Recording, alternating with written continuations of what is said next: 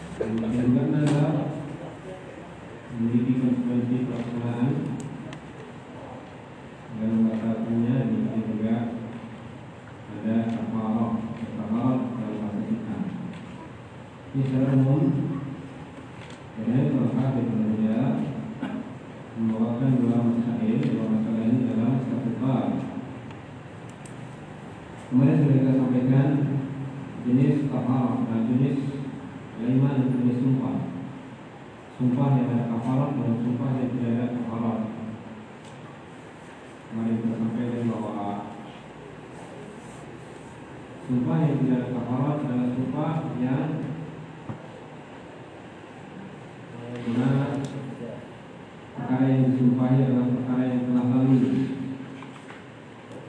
Perkara yang dikuatkan dan sumpah adalah perkara yang telah lalu.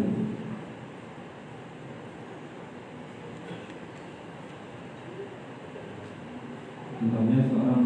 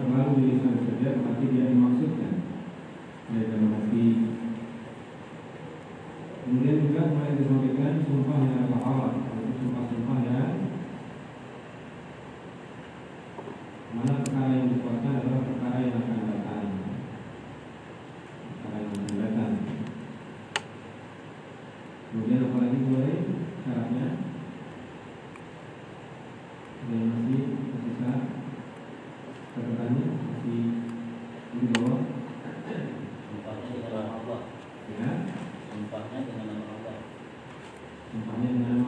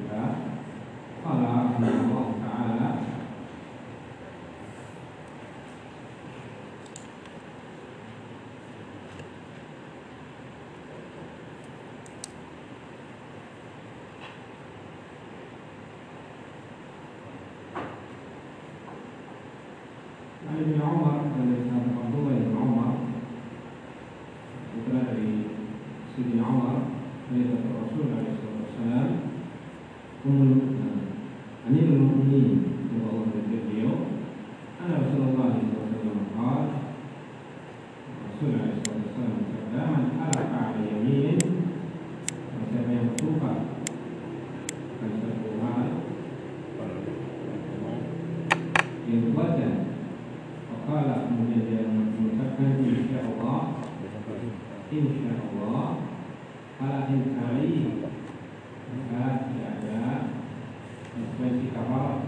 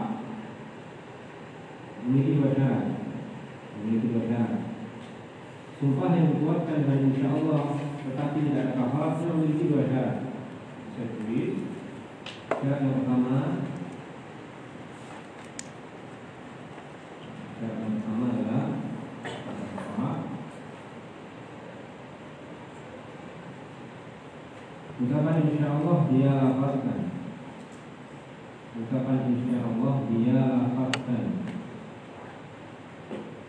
maksudnya tidak di dalam hati. Ucapan? Ucapan insya Allah dia lafazkan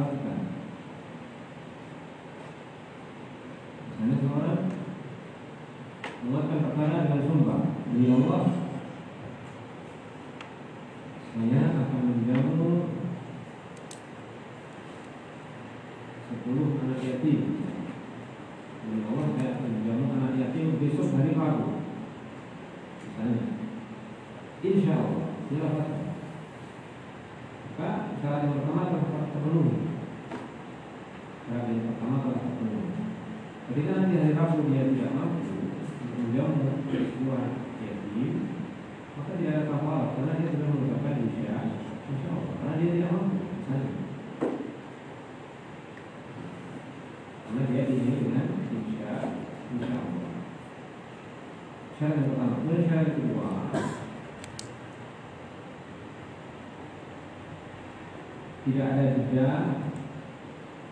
Tidak ada jeda. Antara perkara yang dikuatkan tidak ada. Jeda. Jeda. Ya, jeda. Jeda. Jeda. Tidak ada jeda perkara yang dikuatkan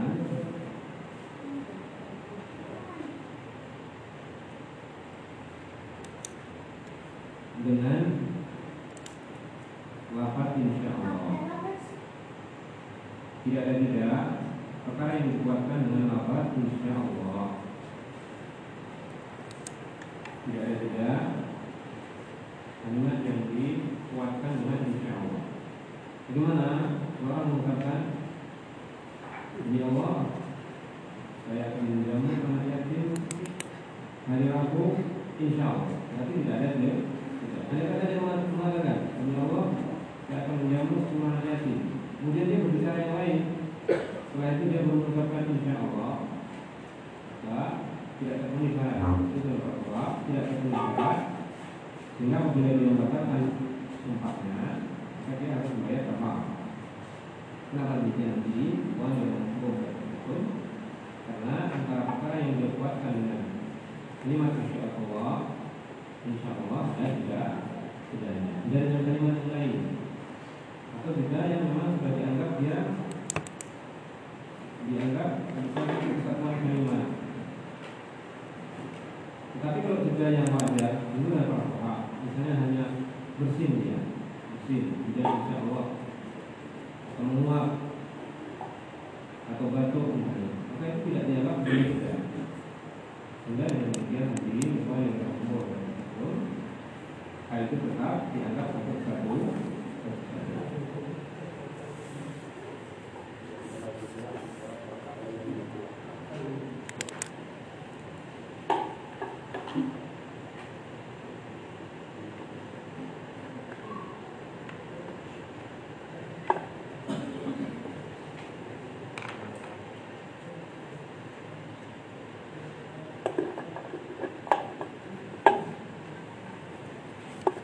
Hmm.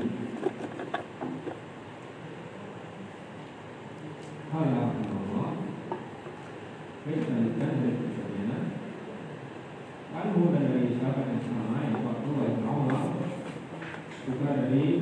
Mukminin Khalifatul Rasul alaihi wasallam. Kala beliau berkata, "Ana yaminun Nabi alaihi wasallam la munqalibal qulub." Rawahu Bukhari.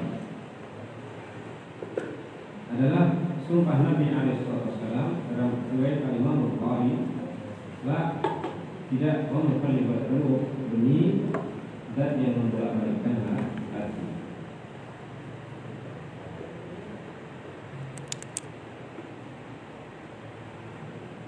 Dalam hadis riwayat Imam Bukhari Rasulullah SAW di antara sumpah beliau berikutnya adalah wa muqallibal qulub demi zat yang membolak-balikkan hati.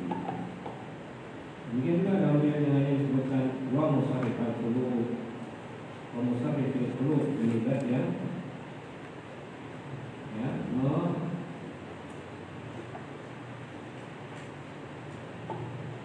menggerak-gerakkan hati maknanya bukan Kemudian juga dalam ayat yang lain diterangkan Walladhi nafsi Muhammadin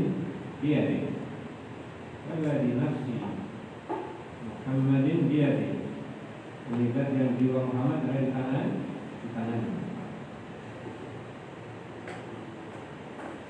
ayat yang lain diterangkan Warabbil Ka'bah Warabbil Ka'bah Ini zat yang memiliki Ka'bah Warabbil Ka'bah Sedangkan yang maklum di atas kita wallahi mi'an mi'an. Tetapi yang dikatakan seorang menggunakan lafaz-lafaz ini maka tidak mengapa sudah masuk dalam sumpah. Seperti Rasulullah SAW beliau dengan wa muqallibil qulub. Demikian dia membolak-balikkan hati maksudnya Allah.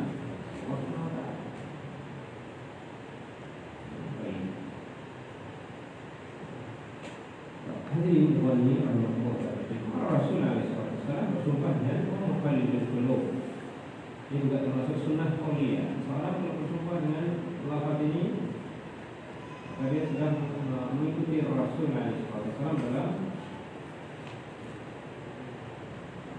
Amal beliau, dalam sumpah dia Muqallibul qulub Dan yang hati Yang dimaksud adalah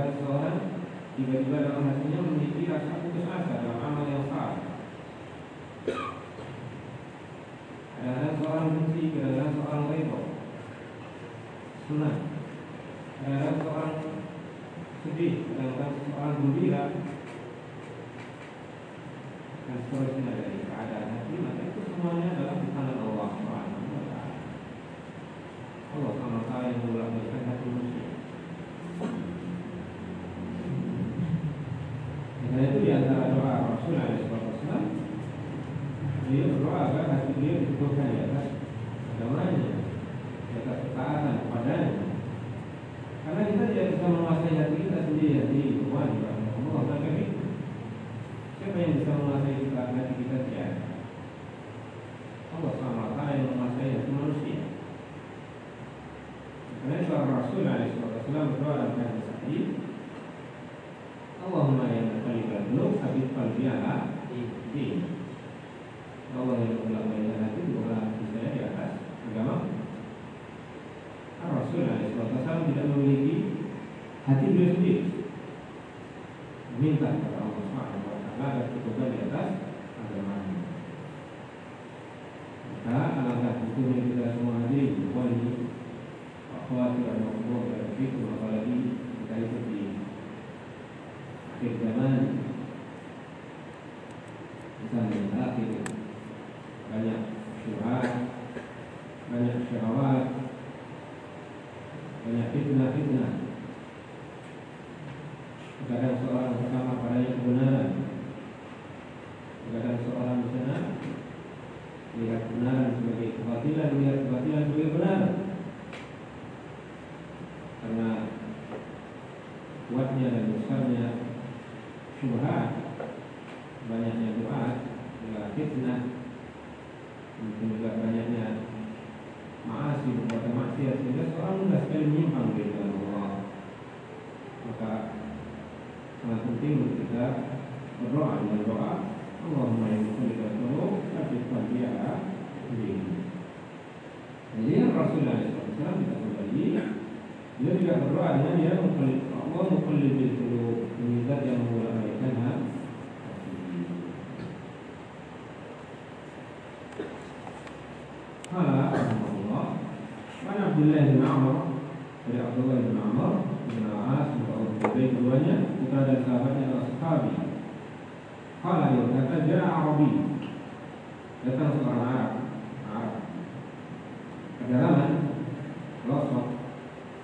إلى النبي عليه الصلاة والسلام والنبي عليه الصلاة والسلام فقال kemudian dia mengatakan Ya Rasulullah, ya Rasulullah, mal kabair Apa saja dosa-dosa besar itu?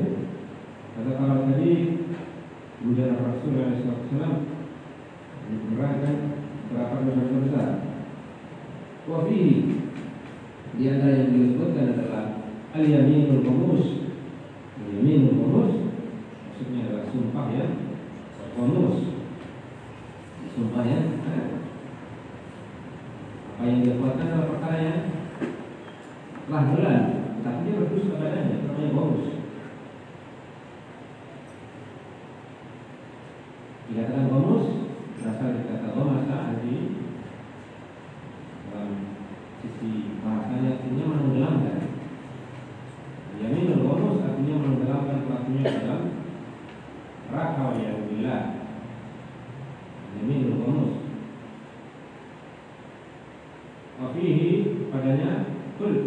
Aku bertanya Amal yaminul bonus Apakah itu al yaminul bonus Sumpah bonus Kala Rasulullah SAW mengatakan Alladhi ya'ati'u Biha ma'lum bil muslim Wahuwa Huwa fiha kadi Rajul Bukhari Itu sumpah yang dengannya seorang mengambil harta seorang muslim atas sumpahnya itu. Hadis sahih diriwayatkan oleh Bukhari dalam sahihnya. Nah, Hadirin wali akhwat yang makmur Bikun yang kita sampaikan pada pertemuan sebelumnya maka kalian minum bonus tidak ada kafarah Artinya sumpah seorang yang dusta dalam perkara yang dia buatkan di perkara yang telah berlalu itu tidak ada kafarahnya. Kenapa demikian sendiri? Karena dia termasuk dosa besar sehingga tidak bisa dihapuskan dengan kafarah. Dia termasuk dosa besar seperti disebutkan dalam hadis ini. Ya, karena tidak bisa dihapuskan dengan kafarah. Dia butuh pada taubat nasuha tobat yang sungguh sungguh-sungguh contohnya misalnya seorang di depan pengadilan dia dijadikan sebagai saksi atas satu perkara berkaitan dengan masalah harta jadi dimintai saksi oleh hakim dia dimintai untuk bersaksi atas satu perkara berdakwah yang berkaitan dengan masalah harta. Kemudian dia bersumpah demi Allah. Misalnya, demi Allah. Sesungguhnya si fulan itu tidak pernah mengambil harta si anak. Padahal dia tahu bahwasanya si fulan itu mengambil harta anak. Maka dia masuk di dalam sumpah Ramus. Sumpah yang dia membuat seseorang Muslim terambil harta hartanya.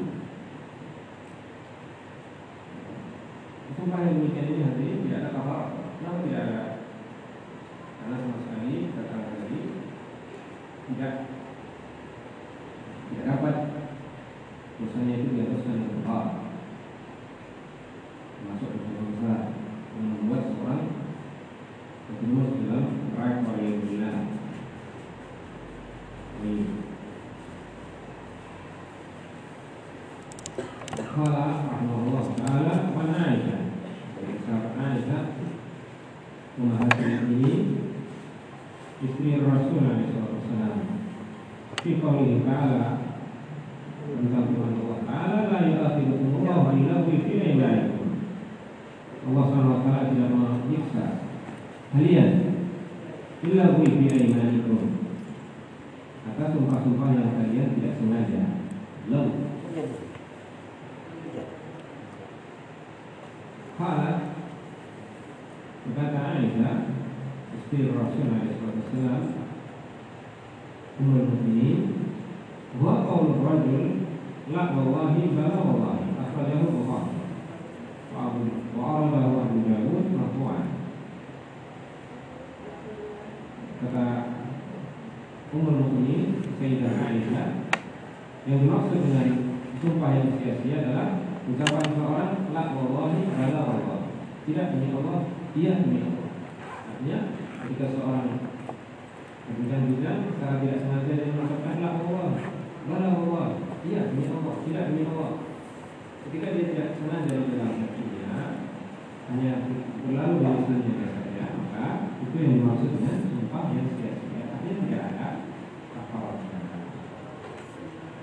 Demikian juga hati disebutkan para termasuk sumpah yang tidak ada kepalanya adalah sumpah yang masa lalu tapi dia sama. Sumpah yang dia kuatkan pada perkara yang masa lalu tapi dia sama Demi Allah semuanya sekolah tidak demikian. Setelah itu setelah beberapa hari Dia ingat bahwasanya sekolah melakukan hal yang demikian. Dia tersalah dalam sumpahnya Maka itu Ini juga masuk di dalam Al-Aiman Ulang Sumpah yang sia-sia yang tidak ada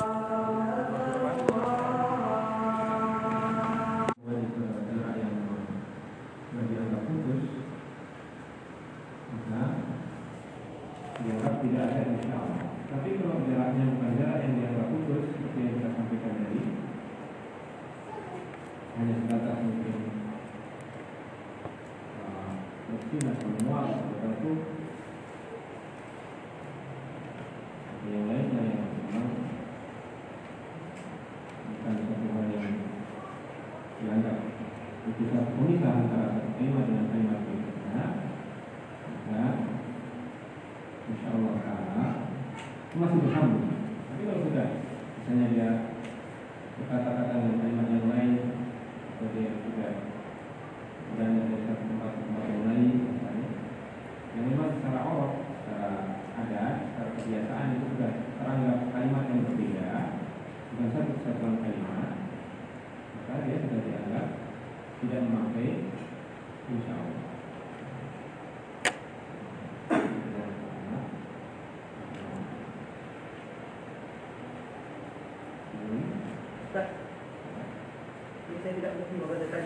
panjang. Di sini ditulis Abdullah bin Amr berkata, seorang Arab Badui menemui Nabi dan bertanya, wahai Rasulullah, apakah dosa-dosa besar itu? Perawi menyebutkan hadis dan di dalamnya disebutkan sumpah palsu.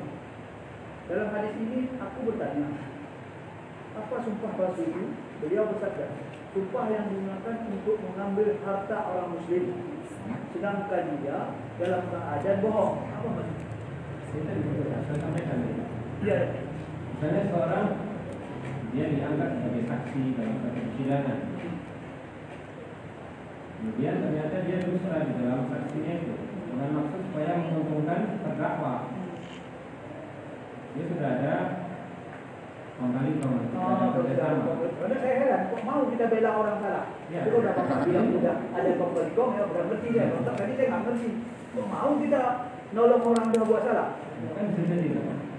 Ya tadi nggak jelas saya, tapi ini udah jelas. Dan sambungnya tadi, sumpah yang itu dinamakan sebagai gamus karena ia menyerumuskan pelakunya ke dalam neraka.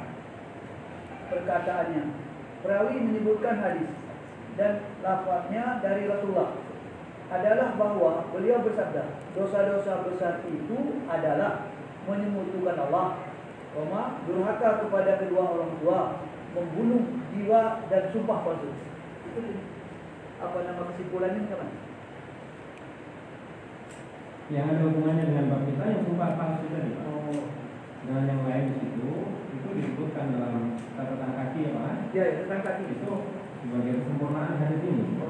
Karena dalam hadis ini tidak disebutkan secara sempurna. Dia hanya diambil syahid atau inti yang ada kaitannya dengan bab kita saja, yaitu sumpah palsu. Yang ada hubungannya dengan pelajaran kita, sumpah palsu itu tidak ada kafaratnya. Kenapa tidak ada kafarat? Karena dia dosa besar. Dosa besar tidak bisa dihasilkan dengan kafarat. Ya sih. Jadi perbandingan yang tadi yang tiga macam itu, yang tiga macam itu. Ya, itu termasuk dosa juga Ya, ya. yang disebutkan Allah Durhaka kepada kedua orang yang kepada orang tua, membunuh jiwa dengan tanpa yang hak, Nah, termasuk dosa besar. Ada. Ada.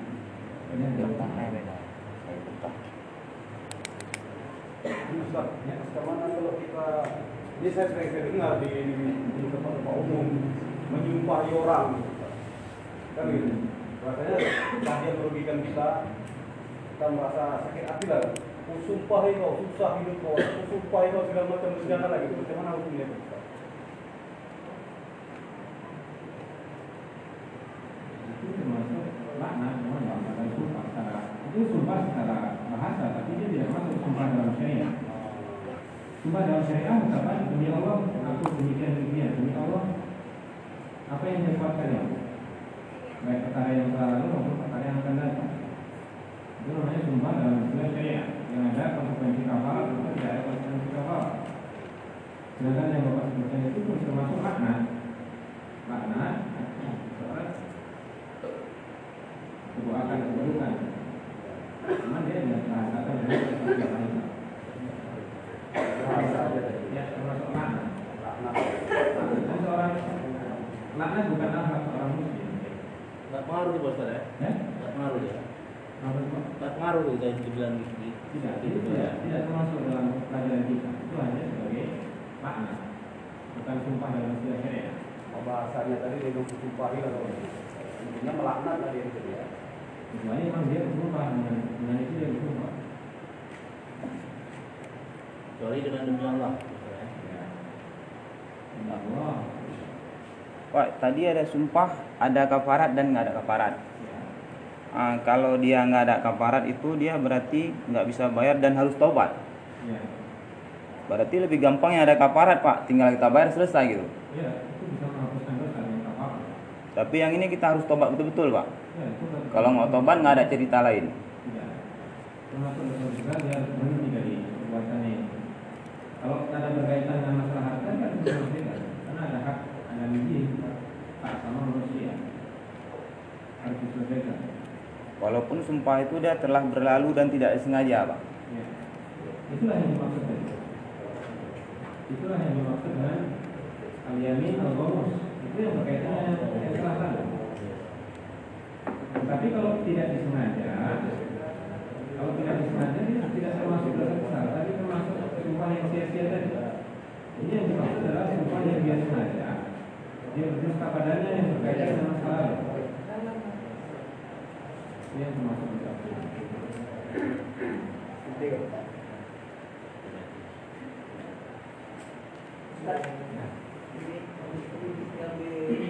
tadi. Saya ingin tahu. Ajar. Kok bisa manusia itu melaknat orang dengan tanpa izin Allah? Ini kan suatu bahasa Inggrisnya dia punya power yang paling hebat. Enak aja dia melaknat orang karena dia ada Nabi, bukan Allah, bukan enak aja orang. Apa power dia kuat? Enak yang ini. Jangan. Ya. Memang ya, selesai ada kafarat, nggak ada kafarat yang. Sudah. Kemarin ya ada restoran karena mau ada yang tidak ada. Iya. Demikian juga kufar dan muslim muslim dan kufar ada. Rasul SAW pernah eh, melaknat beberapa pimpinan-pimpinan Quraisy waktu itu yang banyak membunuh sahabat Rasulullah. Iya, iya. dan satu peristiwa di mana para Qura para sahabat-sahabat senior Rasul SAW yang dikirim sekitar ada tujuh puluhan untuk berdakwah di seluruh tempat maka beliau karena dibunuh sahabat-sahabat senior beliau beliau melaknat mereka kemudian Allah SWT meluruskan Nggak ada penjelasan lagi. Allah SWT meluruskan apa yang Gini lah. Dilakukan artinya Ini enam ini. tidak di tidak diberikan Di enam enam tiga ini. Rasul Dijelasin gitu. untuk melaknat melaknat para dalam pemimpin kufar. Maka turunlah firman Allah SWT dalam surat Al-Imran, "Laisa laka minal amri syai'un aw yatuba 'alaihim aw yu'adzibahum fa innahum zalimun." Laisa laka minal amri. Tidak ada kewenangan bagi bagi wahai Muhammad untuk melaknat mereka. Yatuba 'alaihim atau mengampuni mereka, aw yu'adzibahum atau menyiksa mereka. Fa innahum zalimun karena sebenarnya mereka adalah orang-orang yang zalim.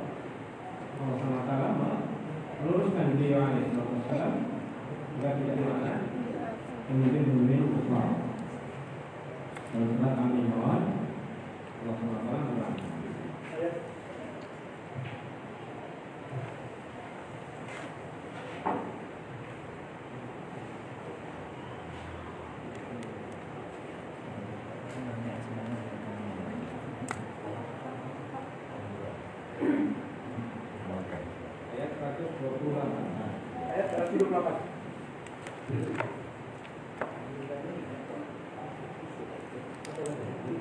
bukan menjadi urusanmu Muhammad.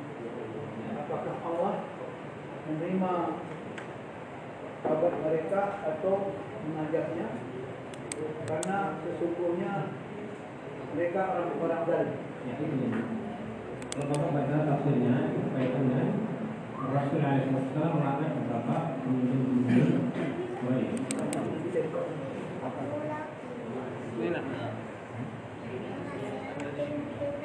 Oh, ada lagi.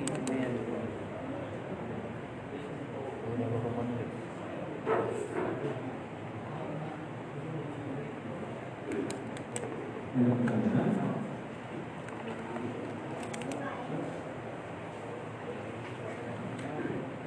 Menyatakan bahwa dia tidak mengenal. Apakah itu termasuk sumpah? Sumpah sumpah kalimat kalimat. Sumpah adalah perkataan wallahi ini Allah Rabbul Ka'bah ini yang memiliki Ka'bah. Misalnya Allah muqallibal qulub ini zat yang membolak-balikan hati. Itu itu namanya sumpah. Sedangkan yang dinyatakan ini adalah perkara yang dikuatkan. Makanya dia menguatkan perkara yang yang disebutkan ini. Demi Allah saya tidak butuh dengan kawinan itu baru namanya sumpah dengan kalimat yang dikuatkan dengan sumpah. Tapi hanya mengatakan saya tidak butuh dengan kawinan itu tidak sumpah. Tapi kalimat pernyataan kalimat pernyataan pernyataan.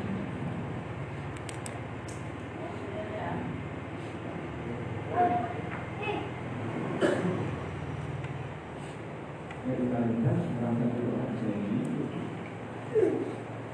Qala Allah Ta'ala An Abi Hurairah dan dari sahabat Abu Hurairah Radhiyallahu ta'ala anhu mustaqim maka Allah memberi beliau qala berkata qala Rasulullah sallallahu alaihi wasallam Rasulullah sallallahu alaihi wasallam bersabda inna lillahi tis'an wa tis'ina isman Sebenarnya Allah memiliki 99 nama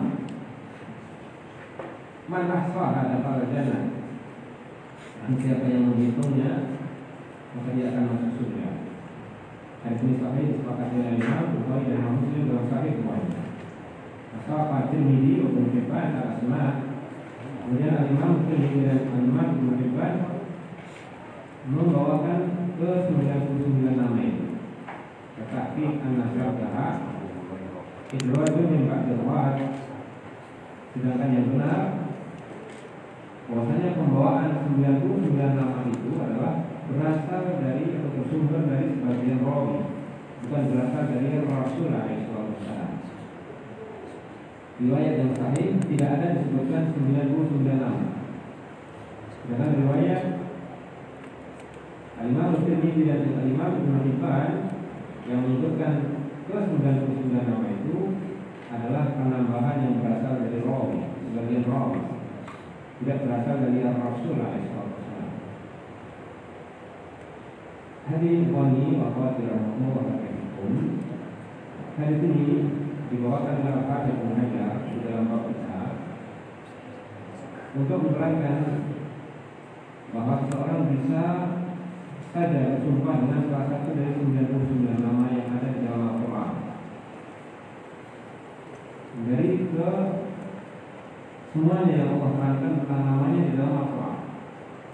Misalnya, War-Rahman, ini Allah Ar-Rahman, War-Rahim, ini Allah Ar-Rahim. Wal-Aziz, ini zat yang maha mulia. Wal-Hakim, ini zat yang maha bijaksana. Wal-Qayyum, ini zat yang maha hidup. Wal-Qayyum, dan seterusnya. Dari nama-nama Allah, maka semuanya masuk di dalam sumpah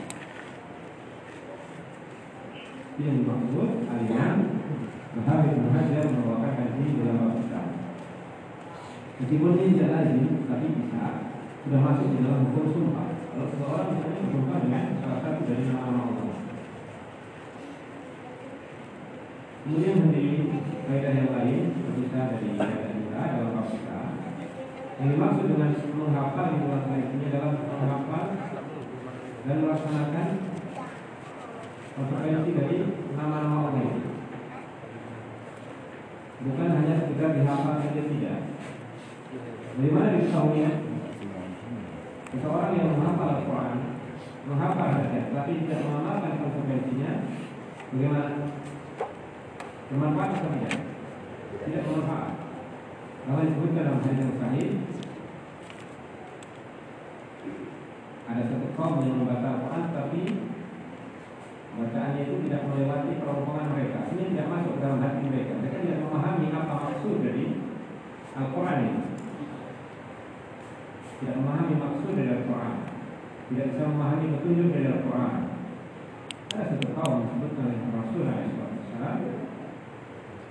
Rasul SAW Dia mengatakan Tentang Khawarij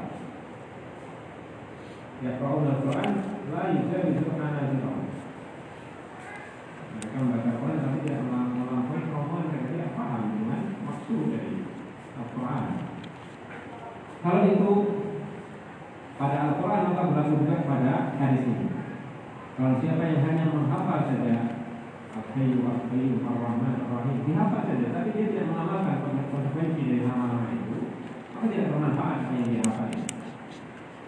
Bagaimana mengamalkan konsekuensi yang ini? Salah satu contohnya itu yang Al-Imam Ibnu Qayyim rahimahullah. Seorang dia menghafal nama misalnya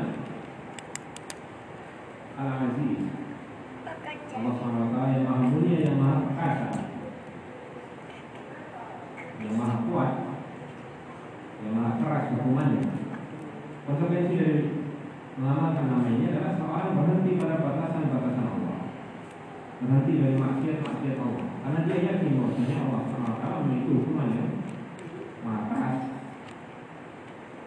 Contoh bukti kalau kita itu mengimani nama Allah Al-Aziz kita harus berhenti dari semua yang Allah larang dari diri kita apa pun itu yang dilarang sesuai dengan hawa nafsu kita ataupun tidak sesuai dengan hawa nafsu kita. Itu maksud dari seseorang menghafal nama Al-Aziz. Salah satu contohnya itu misalnya bagaimana di seluruh para ulama di antaranya Imam Ibnu Qayyim seorang menghafal nama Ar-Rahman Ar-Rahim. Dia hafal Ar-Rahman Ar-Rahim. Bagaimana mengamalkan konsekuensinya? Dia? Harus memiliki sifat rahmat. Memiliki sifat berakhlak dengan sifat rahmat. Memiliki sifat sayang kasih sayang. Dan hadis sahih dikatakan kira kamu mampu ya kamu kuman di sama sayangilah orang-orang yang ada di bumi saya kalian akan disayangi oleh zat yang ada di langit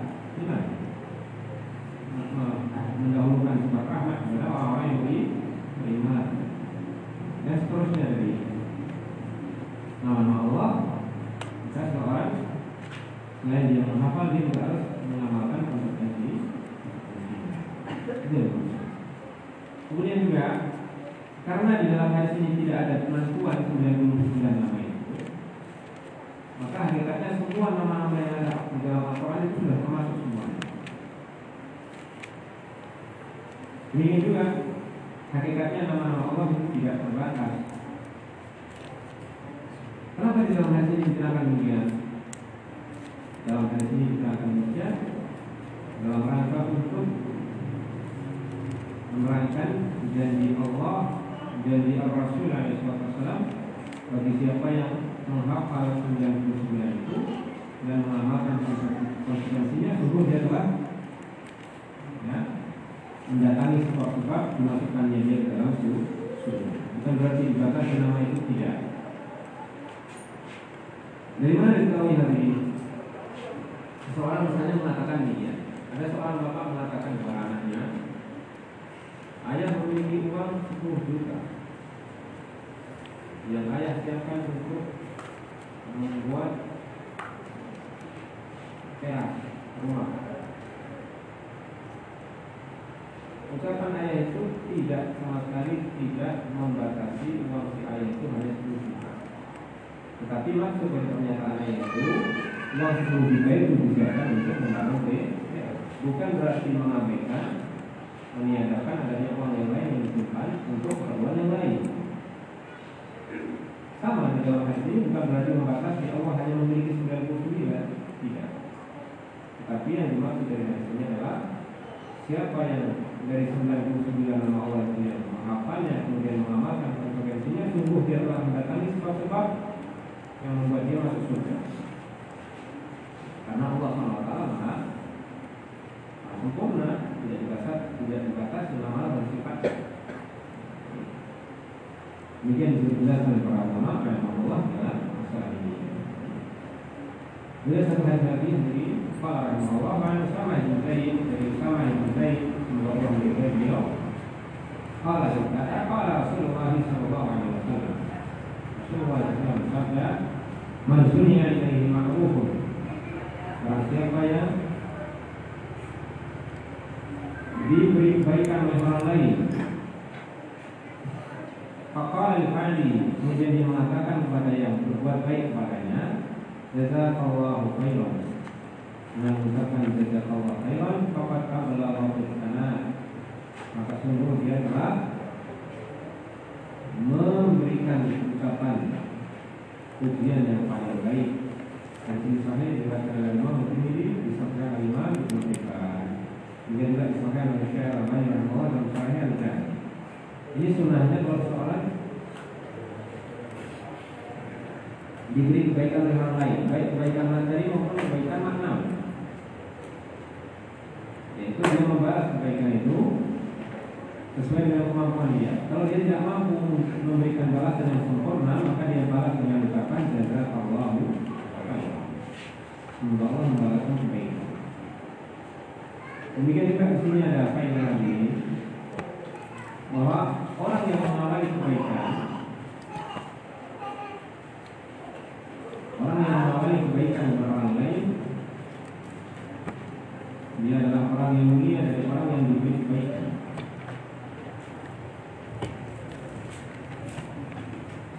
Orang yang mengawali kebaikan kepada orang lain menunjukkan di dalam hatinya ada kecintaan kepada kebaikan.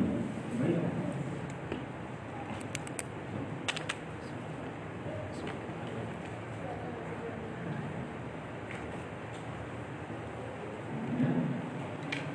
Maka Rasul Alaihissalam memberikan petunjuk agar seseorang yang diperlakukan baik oleh orang lain dengan materi ataupun dengan makna hanya membalasnya dengan kebaikan yang serupa atau kalau tidak bisa ya maka dengan mengatakan beda soal beda soal semoga Allah membalasnya dengan kebaikan semoga Allah membalasnya dengan dengan kebaikan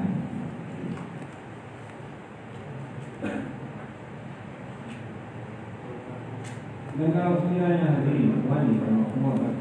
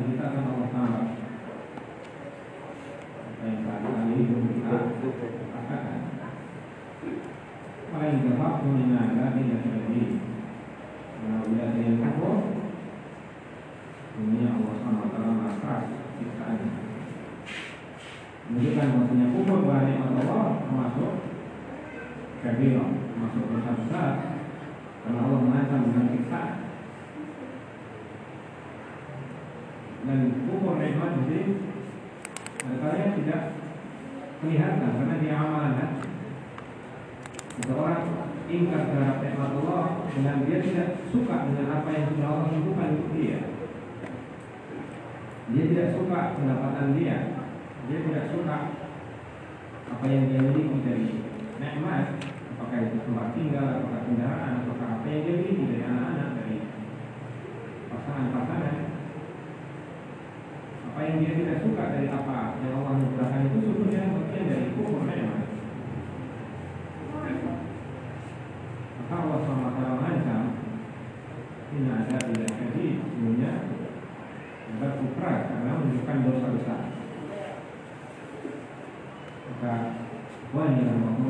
besar Maka Wani Allah Berkatikum Syukur syukur bersyukur kepada Allah taala dan